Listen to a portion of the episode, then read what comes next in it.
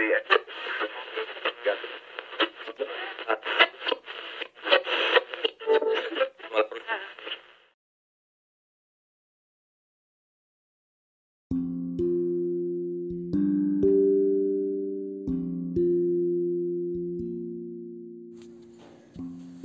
suatu hari, hiduplah seorang yang tidak cerah sama sekali. Matanya sayu, rambutnya lusuh, dan wajahnya memancarkan kesedihan yang tak berujung. Ia tinggal dengan ibunya yang sudah tua, berbakti pada waktu-waktu yang terbatas. Aktivitasnya setiap hari adalah membenci, membenci kebahagiaan orang lain membenci yang tak harus dibenci, karena dia adalah seorang pembenci yang profesional.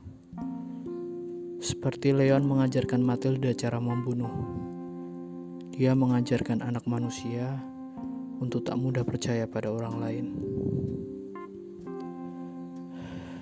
Hidupnya tergopoh-gopoh ditancapi belati. Itulah bodohnya dia. Dia membiarkan orang-orang menambahkan sayatan baru di punggungnya. Sudah tak berasa lagi jawabnya. Walau darah mengalir, dia tetap berdiri. Forrest Gump pernah berkata, My mama always said life was like a bowl of chocolate. You never know what you're gonna get. Benarkah hidup ini sebenarnya sebuah misteri?